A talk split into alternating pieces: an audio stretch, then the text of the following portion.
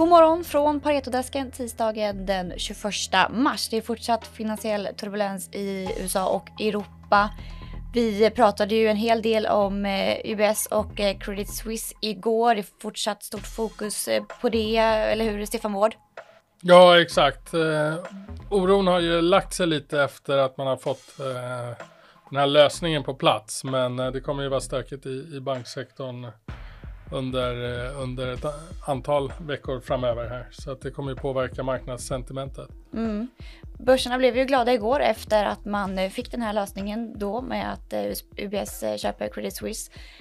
Och vi såg framförallt i Sverige här att börserna var ju betydligt ner i stora delar av dagen men stängde sen på betydligt plus. OMXS30 stängde på plus 1,4 procent.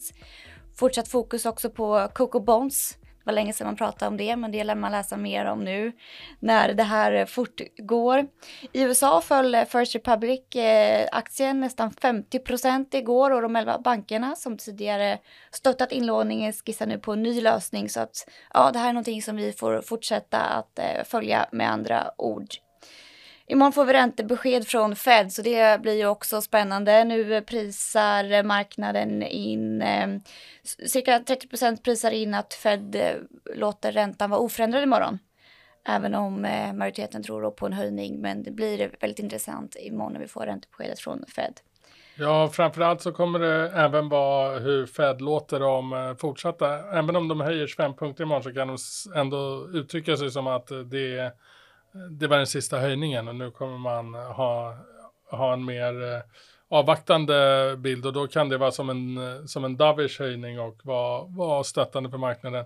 Eh, nämner de ingenting om att de ska eh, lugna sig med höjningar så kommer ju det tolkas som osäkert eh, framgent. Så att det, det kommer vara dels själva beskedet men även hur, hur man eh, uttrycker sig om framtiden. Och vad vi har sett här med den här bankoron och, och eh, ja, i närtid här är ju att eh, investerare har använt de stora techbolagen som eh, en safe haven och mycket pengar har gått in där. Och tittar vi till de sju största techbolagen så står de för en fjärdedel av S&P och de till som aggregat i värde har stigit med 24 procent year to date, så det är en kraftig outperformance av den här gruppen bolag då, där balansräkningarna typiskt sett är väldigt starka och man ser det som likvida tillgångar och pengarna har gått in där. Och vad vi ser är ju att det här är en ganska utmanande situation då, för man har, marknaden har fått stöd av den här gruppen bolag. Värderingen på den här gruppen bolag är hög. Och vi tror ju att det är snarare risk på, för ytterligare nedjusteringar på vinsterna och då för att se ytterligare uppsida i tech då, då behöver man ju en multipel expansion och det kan vara ganska tufft att se det i, eh, under de här marknadsförhållandena. Så att det, det, är värt att ha med sig när man tittar på, på marknaden helt enkelt. Mm. Och eh, på Pareto idag så har vi bland annat pratat eh, Kinnevik.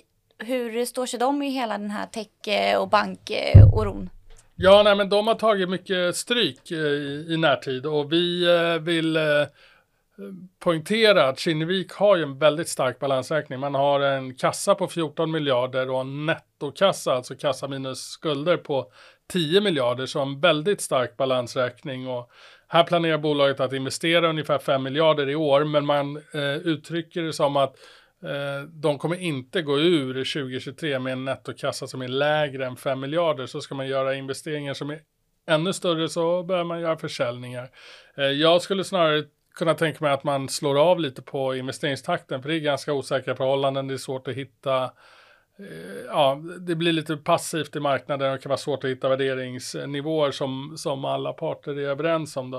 Eh, men med det sagt så, så fortsätter investeringsaktiviteten för Kinnevik och tittar man på hur de här olika områdena där de eh, fokuserar sin investering, hur de har utvecklats under Q1 så kan vår konklusion är att det är väldigt låg risk för några större negativa justeringar av navet i Q1. Vi fick ju Q4-rapporten ungefär i mitten av kvartalet, så vi har sex veckor eh, där, där deras huvudsektor, det har, inte, det har inte rört sig så här vansinnigt mycket i SAS-sektorn, tycker vi, flat i handel, något ner.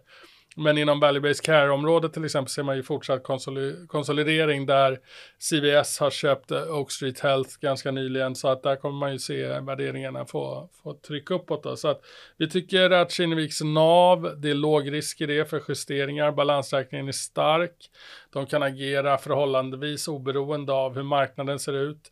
De är väldigt tydliga med hur deras portföljbolag och det eh, har exponering mot till exempel Silicon Valley Bank och det var väl försumbara eh, siffror och i den här härvan har Kinnevik kunnat agera väldigt supportive för sina portföljbolag där det har behövts och det stärker relationen naturligtvis och sådär.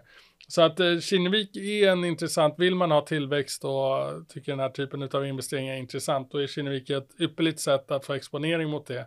Och den finansiella risken i Kinnevik är väldigt låg i, i nuläget. Så vi tycker att när rabatten eh, har ökat som den har gjort här, den är 28 procent nu, det brukar vara väldigt bra lägen att, att köpa, köpa Kinnevik.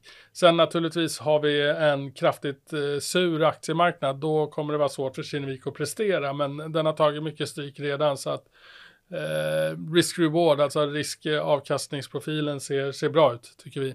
Vi har en riktkurs på 205 kronor på Kinnevik och, och tycker att den här nivån ska man handla aktien på. Mm. Ett annat bolag som vi eh, gillar, som vi pratade om idag på morgonmötet, är Xvivo, trans plantation jobbar de med, ett medtechbolag. Där tycker vi att eh, bolaget eller aktien har en låg relativ värdering mot peers och eh, efterfrågan fortsätter att vara god i den här typen av eh, marknad. Så värt att titta på Xvivo också.